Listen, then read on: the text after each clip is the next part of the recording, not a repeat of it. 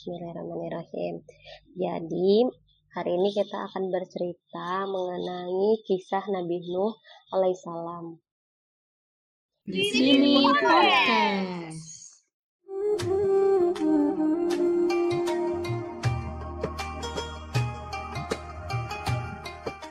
Nah, jadi Nabi Nuh ini merupakan keturunan ke-9 dari Nabi Adam dan keturunan ketiga dari Nabi Idris. Nuh itu berusia 950 tahun. Nah, Nabi Nuh mempunyai istri yaitu bernama Wafilah. Terus Nabi Nuh juga punya empat orang putra. Namanya yang pertama yaitu Syams, kemudian ada Han, ada Yafid, dan ada Kanan. Nabi Nuh ini diangkat menjadi nabi pada usia 480 tahun dan berdakwah eh, selama lebih kurang 500 tahun. Namun, hanya sedikit orang yang mau beriman kepada Nabi Nuh. Jadi setelah Nabi Idris uh, wafat, keimanan masyarakat itu sedikit mulai sedikit menurun. Nah, mulai masyarakat itu mulai membuat patung, kemudian untuk menghormati pahlawan, leluhur, tokoh-tokoh.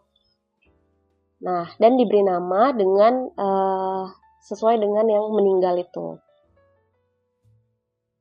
lama-kelamaan ternyata masyarakat Nabi Nuh itu mulai menyembah eh, patung-patung uh, tersebut karena menganggap punya kekuatan dan yang lain-lain. Nah, Nabi Nuh ini sendiri merupakan uh, cucu Nabi Idris, memiliki fisik yang kuat, kemudian hati mulia, sabar, cerdas, rendah hati, Nah, Nabi Nuh itu mulai berdakwah baik secara uh, terang-terangan ataupun secara diam-diam supaya masyarakatnya itu mau menyembah Allah Subhanahu wa taala.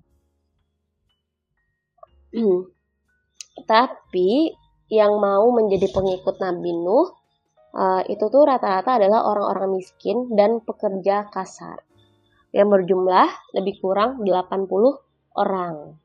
Oke. Okay. Nah, tadi kita akan cerita tentang eh, patung-patung kan sama berhala tadi. Nah, adapun nama-nama patung dan berhala yang disembah oleh kaum Nabi Nuh ini itu ada yang bernama Wat, Suwa, Ya'ud, Yagus, dan Nasor. Nah, termasuk istri Nabi Nuh dan juga anaknya yang bernama Kanaan itu juga ikut menyembah si berhala-berhala ini. Uh, intinya tuh yang ikut dengan nabimu itu lebih kurang 70 sampai 80 orang. Itu tuh yang orang-orang yang termasuk kaum lemah. Nah, karena Nabi Nuh ini sabar dan tekun beribadah, jadi Nabi Nuh ini termasuk salah satu nabi ulul azmi. Terus cerita Nabi Nuh ini yang paling terkenal yaitu adalah namanya Bahtera Nuh. Nah, kenapa sih uh, Allah memerintahkan Nabi Nuh untuk membuat bahtera? Jadi Allah Subhanahu wa taala itu menyeru Nabi Nuh untuk membuat bahtera yang besar karena Allah Subhanahu wa taala akan menurunkan banjir yang sangat besar. Banjirnya itu akan keluar dari tanah-tanah, dari eh, rumah-rumah warga. Jadi banjirnya itu memang sangat besar. Nah, bahkan kaum yang bukan merupakan uh, termasuk kaum Nabi Nuh itu mengolok-olok Nabi Nuh. Karena ngapain buat uh, kapal para uh, orang yang menentang Nuh itu uh, menantang untuk menurunkan azab. Nah, akhirnya itulah Nabi Nuh mengadu kepada Allah. Nah, terus uh, yang bukan pengikut Nabi Nuh itu menyerukan supaya tidak beriman kepada Allah. Akhirnya Nabi Nuh berdoa kepada Allah dan Allah memerintahkan Nabi Nuh untuk membuat kapal yang besar. Allah mengajarkan ilmu itu kepada Nabi Nuh. Nah, Ejekan itu semakin menjadi-jadi karena mereka merasa ngapain buat kapal yang besar karena mereka jauh, tinggal jauh dari laut. Oke. Okay. Uh, jadi mereka belum tahu kalau misalnya bakal ada banjir yang sangat besar yang airnya itu bisa keluar dari mana saja, termasuk dari rumah-rumah mereka, dari dalam tanah.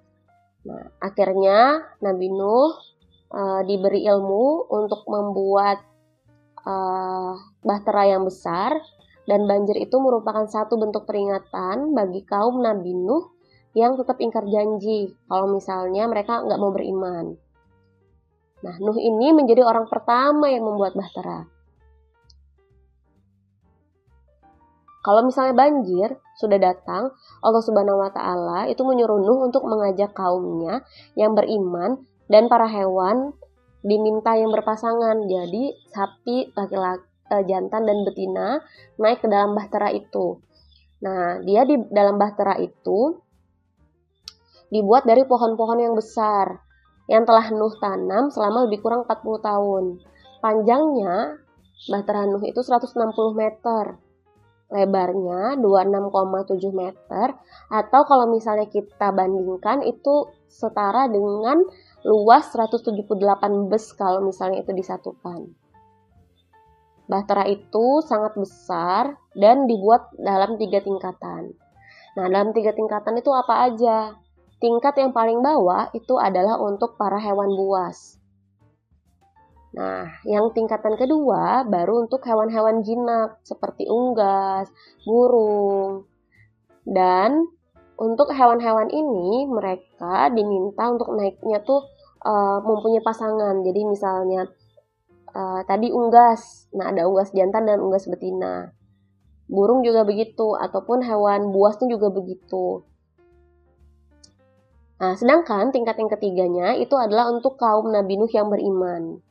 Allah Subhanahu wa taala membimbing Nuh saat membuat membuat bahtera yang kuat untuk menghadapi topan dan banjir yang besar.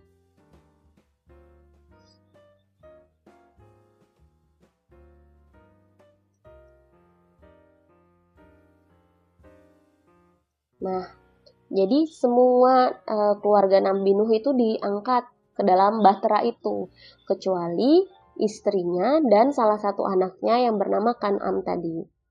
Tiba-tiba, langit menjadi gelap, angin bertiup kencang, petir menggelegar, hujan turun sangat lebat, dari dalam tanah memancarkan air yang sangat deras.